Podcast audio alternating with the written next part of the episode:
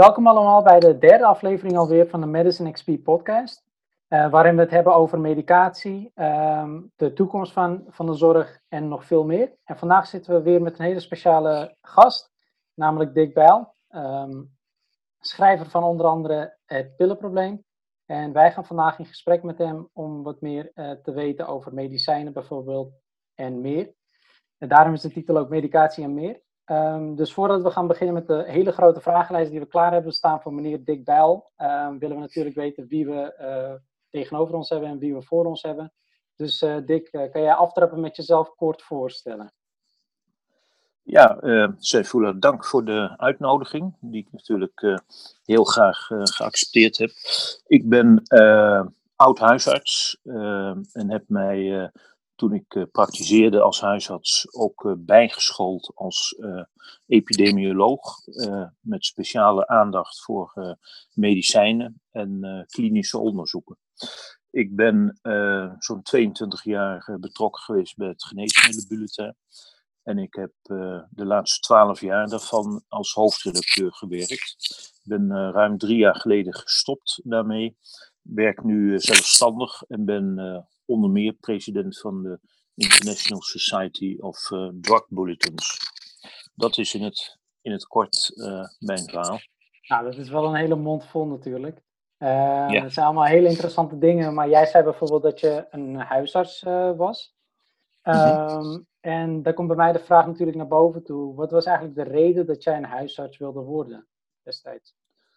Ja, nou, kijk, ik wilde natuurlijk uh, de studie geneeskunde gaan doen, omdat uh, mij op de middelbare school dat uh, bijzonder interessant leek. We hadden natuurlijk een, hele goede docent in de laatste jaren van, de, van die middelbare school. En dat, dat heeft mij ook enorm geprikkeld om, om die opleiding te gaan doen.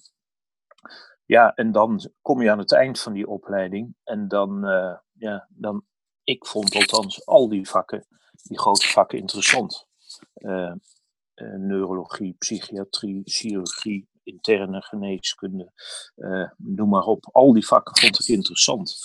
En dan, dan moet je een keuze maken van, ja, wat, wat ga ik nu doen?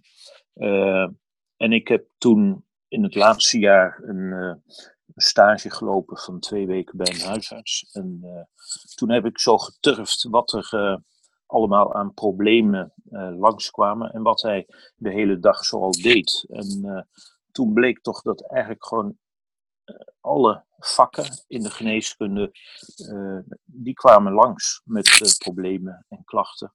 En ja, toen was het voor mij eigenlijk wel, wel duidelijk dat ik dat vak het liefst wilde gaan doen. Interessant, interessant. Jij had ook een speciale liefde voor medicatie, of was het gewoon over het algemeen voor huisarts zijn, voor wat, voor wat een huisarts deed? Of was het aan het begin al dat je een interesse had in medicatie en hoe het voorschrijven ging? Nee, dat is eigenlijk gewoon zo, zo ontstaan, geleidelijk. Hè? Kijk, we, we hebben nauwelijks uh, tijdens de opleiding uh, een les gehad over medicijnen echt, het stelde helemaal niks voor. Toen we met de kooschappen, hè, dus het praktische gedeelte van de opleiding begonnen in het vijfde jaar, kregen we een paar lessen van een uh, ziekenhuisapotheker. Uh, hoe we een recept moesten schrijven bijvoorbeeld. En uh, ja, dan, dan, dan mocht je de kliniek in, zoals het dan heet. En later, ik ben dus na mijn huisartsopleiding, heb ik eerst een aantal jaren in het ziekenhuis gewerkt als assistent gene in interne geneeskunde heb toen mijn huisartsopleiding gedaan. En toen leerde ik uh, wat meer over medicijnen. Uh, ik ben toen naar het Nederlands Astmacentrum in Davos gegaan en heb daar uh, kennis gemaakt met wetenschappelijk onderzoek, maar ook met name met medicijnen. En ja, toen ik terugkwam in Nederland, toen, ja, een tijdje wilde ik me daar toch verder in gaan verdiepen, in die epidemiologie. Hè. Ja, en toen was de keuze voor die uh, medicijnen, uh, dat was uh, vrij makkelijk gemaakt. Ja. Omdat je als huisarts natuurlijk van op al die terreinen toch ja, het nodige moet weten. Exact. Um, je zegt ook dat je vroeger huisarts was en nu niet meer bent. Um, wat mis jij eigenlijk aan de tijd dat jij een huisarts was? Mis jij iets aan die tijd? Nou ja, het was natuurlijk wel een heel afwisselend en veelzijdig beroep. Hè. Uh, al die vakken die kwamen langs, maar je bent ook aan het uh, diagnostiseren, je bent aan het praten met mensen, uh, je gaat uh, kleine verrichtingen doen. ik deed zelf ook longfunctieonderzoek en maakte elektrocardiogrammen. Dat maakt het allemaal buitengewoon afwisselend en interessant. En, dus dat, dat, dat is wel iets wat ik mis. Wat ik ook wel mis, dat is dat, kijk, op een gegeven moment was dat werk klaar. Hè? Op uh, vrijdagmiddag vijf uur, dan was het gewoon klaar. En dan begon je meestal dan maandagochtend weer. Maar dat geldt bijvoorbeeld ook voor vakanties. Hè? Dat je, uh, voordat je op vakantie ging, dan maakte je alles af. En dan was gewoon vrijdag vijf uur, was het gewoon klaar. Dan droeg je het over aan je collega's, belangrijke problemen althans. En dan kon je met een gerust hart op vakantie gaan. En ja, nu is het zo dat ik gewoon ook in de vakanties gewoon uh, voor het grootste deel gewoon doorwerk. En dat is wel een verschil. Ja, en uh, dan komt automatisch de vraag: vind je dat fijner? Dat je dan uh, dat je dingen kon achterlaten bij, bij je collega's bijvoorbeeld en jij lekker op vakantie kon gaan en nu eigenlijk niet zoveel meer? Of, of ik dat fijner vond? Ja, dus dat je dan eigenlijk een soort van 9 tot 5 mentaliteit had. En dan gewoon, als het dan 5 uur was, dat je gewoon dingen kon laten liggen. Vond je dat fijner? Nou, het is geen 9, van 9 tot 5 mentaliteit. Hè? Want er kwam, kwam ook gewoon al die diensten kwamen er ook bij. Hè? Ja, ja, ja. Dus je moest dan elke nacht ook voor je eigen patiënten beschikbaar zijn. Dus uh, zo, zo, was het niet. Maar het was gewoon, uh, laat ik zeggen, overzichtelijker. Nu uh, is het zo dat ja, wat ik, wat ik je zo straks ook vertelde, dat het, het werk stapelt zich op. Mensen hebben zoveel vragen aan mij en ik probeer ze zo goed en kwaad mogelijk als ik kan uh, uh, te beantwoorden. Maar het, ik, ik kom nog niet eens aan de helft van de vragen toe. Nee, dat is begrijpelijk. Dat is begrijpelijk. Nou, dan komt de volgende vraag. Wat viel jou het meeste op in de tijd als huisarts als het ging om medicatie, gebruik bij patiënten en het uitschrijven van medicatie? Ja, kijk, uh, wat mij toen opviel, dat was dat uh, uh, heel veel mensen wilden gewoon een medicijn, of in elk geval een recept. Hè? Mm. en sommigen die eisten het ook gewoon. Die eisten bijvoorbeeld een antibioticum bij een kind wat bijvoorbeeld uh, hoestte en wat koorts had. Uh. Dus er waren hele dwingende uh, ja, problemen. En daar, ja, daar moest je toch veel over gaan praten met de mensen. Van dat het meestal niet nodig is. Hè? En dat de meeste van dit soort infecties gewoon vanzelf overgaat wat me ook opviel, dat was dat uh, uh, veel mensen, en dat wordt eigenlijk erger naar mijn idee, hebben het idee dat er voor elke klacht wel een pil is. En dat, uh, nou goed, dat, dat is natuurlijk niet zo. En dat, dat is ook een van de redenen waarom ik dat boek geschreven heb, het pillenprobleem. Oké, ja, dus het viel je op dat eigenlijk mensen ook vanuit zichzelf uh, verwachten eigenlijk van jou dat je een, recept zou uitschrijven, zonder dat er eigenlijk iets voor was. En hoe ging jij daar eigenlijk mee om? Uh, dat is mijn volgende vraag. Ja, nou goed, ik, uh, kijk, de huisartsopleiding was toen heel geschikt daarvoor, omdat je leerde met mensen ja, goed, goed te gaan praten, maar met name de hulpvraag te exploreren, zoals het heet. Hè? Dus van, ja, wat verwacht die patiënt van mij? Waarom wil die per se een uh, recept? Is dat omdat hij er iets over gelezen had? Uh, is dat omdat hij zich grote zorgen maakte? Is dat omdat de familie of buren, vrienden, kennissen erop aandrongen dat hij een recept zou krijgen? Dus dat soort zaken, dat, dat leerde je. En dat, uh, ja, goed, dat was goed om dat toe te passen in de praktijk. Want veel mensen maakten zich ten onrechte ongerust. Of werden door uh, uh, familie gestuurd. Heb je dat wel eens meegemaakt dat iemand zei: ja, een, een broer of een zus van mij stuurt mij om een medicatie uh, bij jou? Ja, dat heb ik, ja, dat maakte ik regelmatig mee. Hè? want dan, dan vroeg ik van: waarom ben je dan bang? Ja, nou goed, dan, dan kwam er geen antwoord.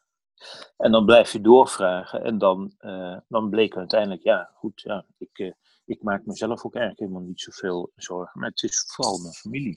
Ja, ja, interessant. Want het geeft ook een andere beeld van hoe het is om eigenlijk een huisarts te zijn. Want wij, wij denken meestal dat het gewoon uh, op even symptomen bekijken. Nou, dit heb je, pil uitschrijven en weggaan. Het is eigenlijk veel meer dan dat. En het is, het is eigenlijk luisteren naar de mensen. En, en begrijpen en ja. dieper er eigenlijk op ingaan. Naar de persoonlijke situatie proberen te gaan van zo iemand. En dat, is, dat levert natuurlijk enorm veel stress op. Uh, als huisarts bedoel je? Ja, als huisarts, ja. Nou, ik vond dat, nee, ik vond dat niet, ik vond het geen stress. Hm. Ja, kijk, uh, ik en anderen waren daarvoor opgeleid om daarmee om te gaan. Je kon dat verwachten. Kijk, en uh, ik moet zeggen, ik heb in mijn praktische, ja, een leven als praktiserend arts, zowel in de ziekenhuizen als in de huisartsenpraktijk, heb ik toch ook wel het geluk gehad dat ik vaak meer tijd voor de mensen kon nemen. En dat ze niet binnen 10 minuten per se buiten moesten staan met een recept. Dus ik, ik kon wat uitlopen in mijn, uh, in mijn spreekuren. En dat was, ja, dat was voor mijzelf heel erg prettig, maar ook voor de patiënten.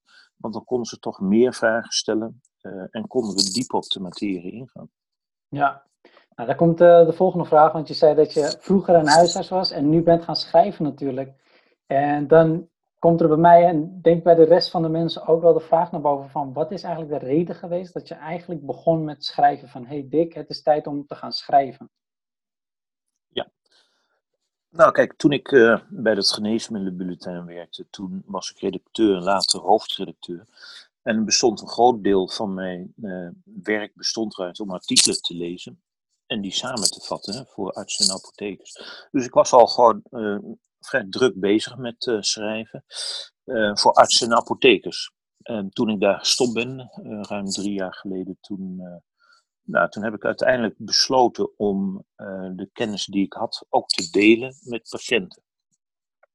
Want nou goed, er is heel veel gaande op het gebied van medicijnen. Hè. Veel mensen denken, wat ik zei, dat er voor elke klacht wel een pil is, maar dat is absoluut niet waar. Uh, het is juist een tegenovergestelde. Medicijnen zijn hard op weg om de derde doodsoorzaak te worden naar hart- en vaatziekten en kanker. Dus ik denk dat uh, patiënten, consumenten, gebruikers gewoon recht hebben op uh, duidelijke, onafhankelijke informatie. En die probeer ik ze te geven in mijn boeken. Ik heb er nu uh, vier geschreven en ik ga nog wel even door, denk ik. Dus daarin kunnen ze lezen wat ze mogen verwachten of kunnen verwachten van medicijnen bij een groot deel van de klachten. En was dat dan ook uh, de reden dat jij het pillenprobleem ging schrijven? Want dat, was, dat is het eerste boek dat ik van jou heb gelezen. En ik was ook gefascineerd door dat uh, bepaalde, de informatie die je eigenlijk naar buiten toe gaf, dat, dat inspireerde mij om, om met jou in gesprek te gaan. Maar uh, ja. was dat dan ook de reden dat bijvoorbeeld dat je veel medicijnen ging uitschrijven, bijvoorbeeld voor patiënten, en dat het dan opviel? Of dat je dan tijdens het schrijven van je artikelen voor de uh, bulletin, dat je dacht van hé, hey, hier moet ik een boek over gaan schrijven? Wat was eigenlijk de reden of de trigger? Nou, ik, ik, ik, de reden, concrete aanleiding was gewoon dat uh, de uitgever in Amsterdam, Amsterdam University Press, mij vroeg of ik niet eens een, een boek wilde schrijven.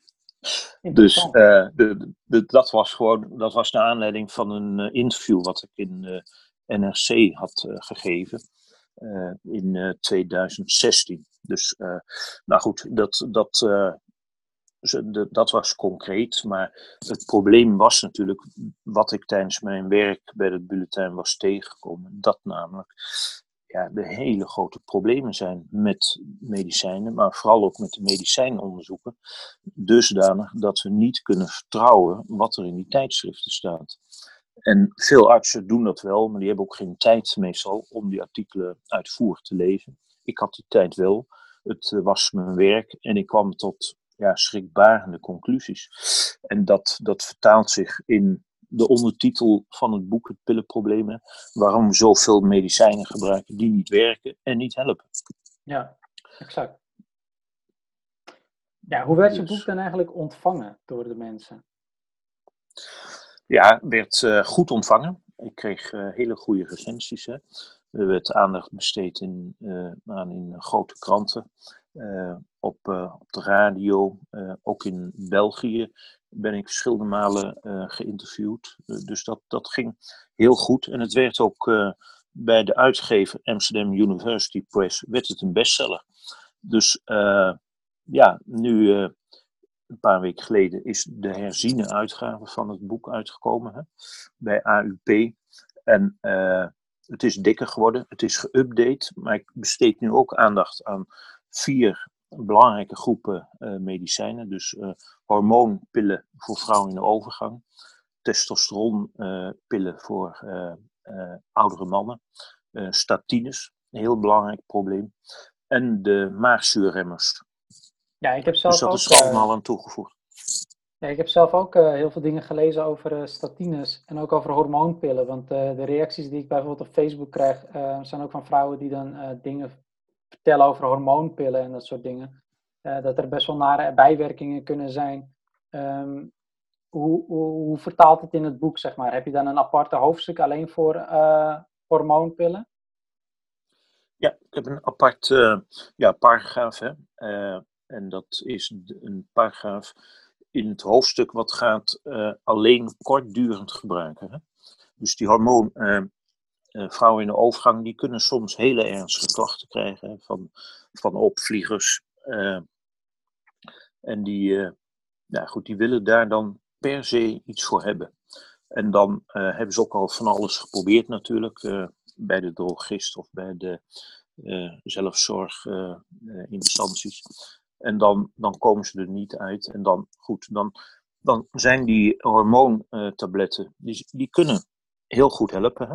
Het zijn, uh, denk ik wel, de beste pillen op dit gebied. Alleen, ja, je mag ze niet te lang gebruiken. Hè?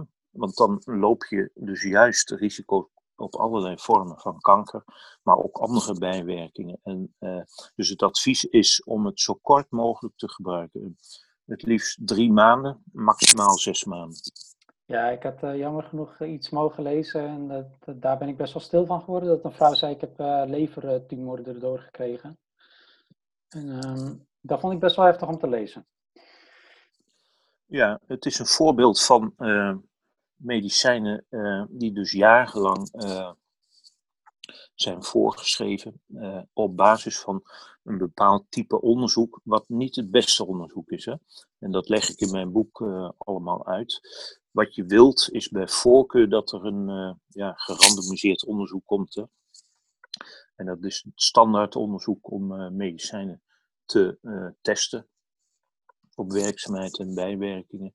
En die onderzoeken die zijn op een gegeven moment ook gedaan door onafhankelijke onderzoekers. En die lieten zien dat dus met name dat langdurige gebruik gepaard gaat met hele ernstige bijwerkingen. Ja, en doe jij zelf ook uh, onderzoek naar pillen? Nee, ik, uh, wat ik doe is, uh, ik houd de literatuur bij, hè? de belangrijke internationale tijdschriften. En daar schrijf ik soms stukjes over, of mensen vragen mij om iets toe te lichten. Ehm, dus ik, ik analyseer als epidemioloog de onderzoeken. Ik kijk, zijn dit nu goede onderzoeken of wat schort er aan? Uh, kunnen de onderzoekers uh, wel de conclusies trekken die ze getrokken hebben op basis van het onderzoek.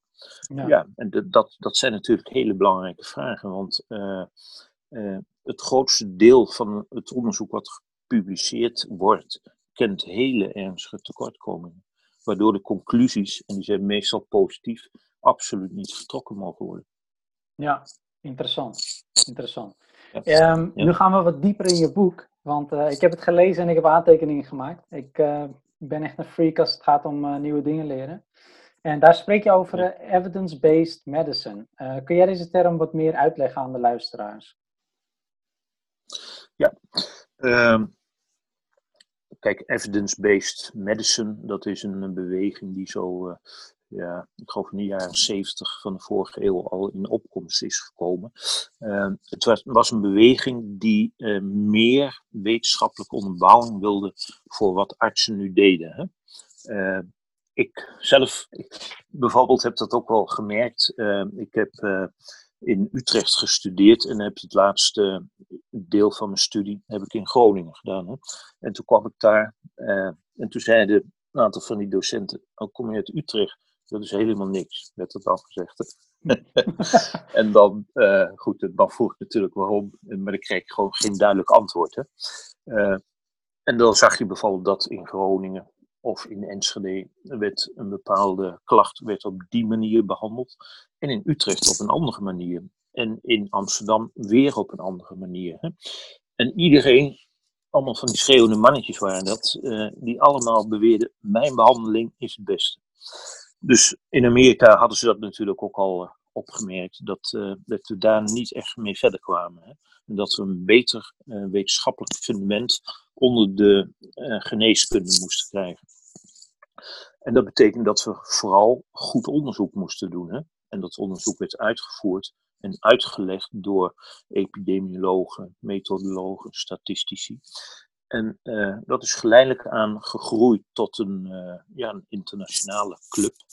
En het belangrijkste is natuurlijk dat ze uh, methodologisch erg goed zijn. En dat ze de, de fouten, de tekortkomingen in de onderzoeken ja, naadloos aan het licht brengen.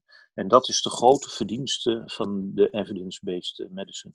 En vroeger had je dus de authority-based medicine. Hè? En dat is, dat is geen goede geneeskunde, omdat die niet op uh, de beste wetenschappelijke inzichten is gebaseerd. En authority-based medicine is dan, um, wat houdt dat precies in? Misschien weten mensen dat ook nou, niet wat dat is. Maar... Ja, dat is dus de autoriteit van de arts die bepaalt uh, wat voor een behandeling je krijgt als patiënt in een bepaald deel van het land of überhaupt uh, in Europa vergeleken met de Verenigde Staten. Het is dus het gezag, de autoriteit van een hoogleraar uh, of een belangrijk arts in een bepaald ziekenhuis, die bepaalt hoe je behandeld wordt. En nu hebben we dan natuurlijk allerlei richtlijnen maar die zijn lang niet altijd gebaseerd op het beste bewijs. En dat doet een beetje afbreuk aan de betekenis van evidence-based medicine. Want uh, het is de bedoeling om met behulp van de inzichten en de principes van evidence-based medicine de uh, onderzoeken die gepubliceerd worden in de toonaangevende tijdschriften kritisch te analyseren. En daar schort het vaak aan. Top. Nou, ik denk dat het hartstikke duidelijk is. En dan komt natuurlijk mijn volgende vraag van, uh, vind je dat dit meer bevorderd moet worden uh, onder de artsen? Dus dat, het, dat de evidence-based medicine juist uh, meer naar voren toe moet gehaald worden tijdens de opleidingen bijvoorbeeld? Ja, dat vind ik absoluut. ik, heb, ik geef af en toe een, een lezing voor studenten, medische studenten. En dan houd ik ze dit ook wel voor. En dan zeggen ze, ja, maar, maar het wordt ons helemaal niet onderwezen. Hoe, hoe kunnen we dat uh, geleerd krijgen? Nou goed, dus uh, op de universiteiten leren uh, studenten in opleiding, of ik moet zeggen artsen in opleiding, die leren dit niet. Dus die zijn niet in staat om goede van slechte publicaties te onderscheiden. En dat vind ik, dat vind ik een hele slechte zaak. Want je verwacht van een arts dat hij jou goed kan uitleggen waarom je een bepaalde behandeling moet ondergaan of een bepaald medicijn moet gebruiken. Dat hij de voor- en nadelen daarvan uh, ja, goed kan uitleggen met je en dat je erover kunt discussiëren. Dus uh, dat is een, uh, een, grote tekortkoming van het huidige onderwijs. En het komt vooral ook omdat de meeste ja, docenten, hoogleraren, die hebben belangenverstrengelingen, financiële belangenverstrengelingen met de farmaceutische industrie. En die kunnen dus niet uh, ja, kritisch uh, communiceren met hun studenten over die onderzoeken. Vanwege die conflicten. Interessant, heel interessant. Uh, goed punt om ook over na te denken, natuurlijk ook voor de luisteraars, maar ook voor toekomstige artsen natuurlijk. Um, dan kom ik bij de volgende vraag. En dat is: wat vind jij het belangrijkste dat moet veranderen met betrekking tot de zorg, zodat we een betere zorg zullen krijgen? Dus wat is echt de nummer één prioriteit dat jij, dat jij voorop zou stellen om een betere zorg te krijgen? Nou goed, kijk, het belangrijkste, ik wil eerst even zeggen dat de rol van de zorgverzekeraars gewoon uh, absoluut beteugeld moet worden.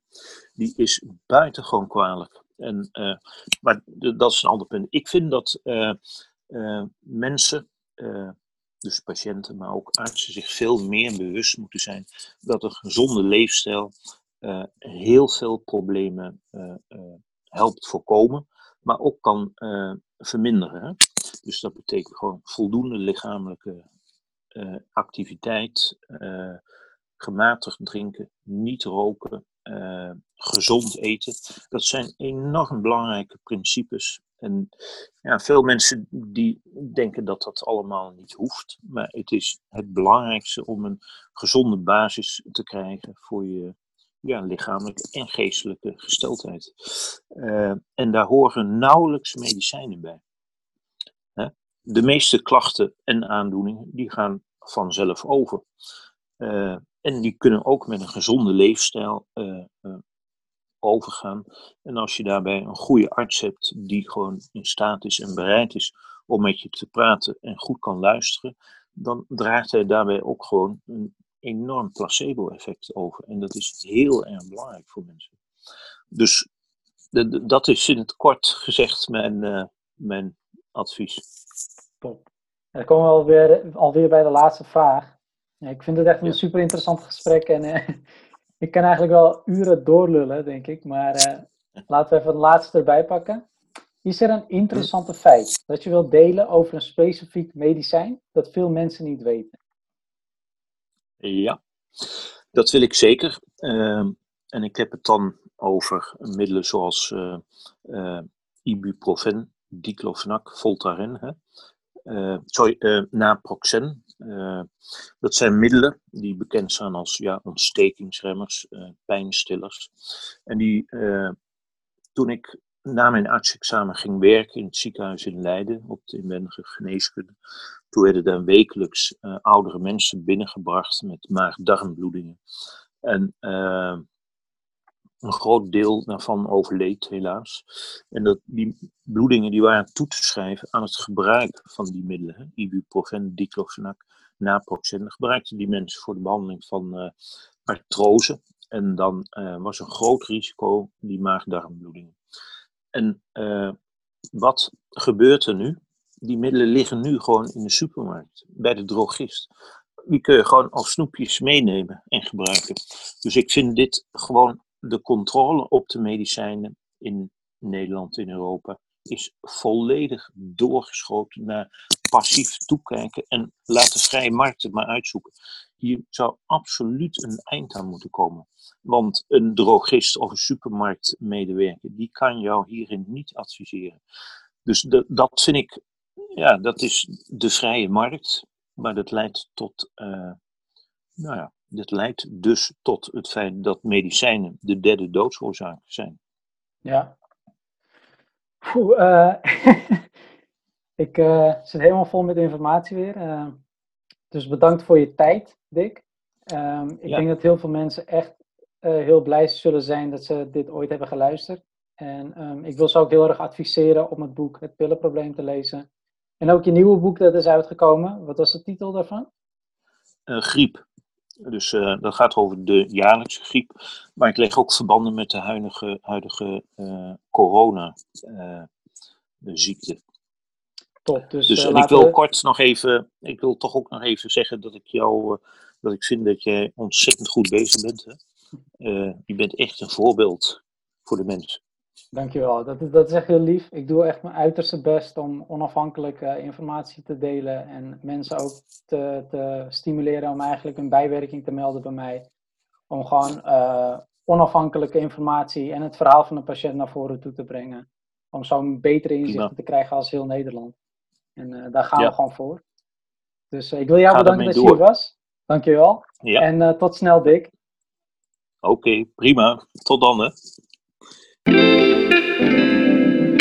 Wow.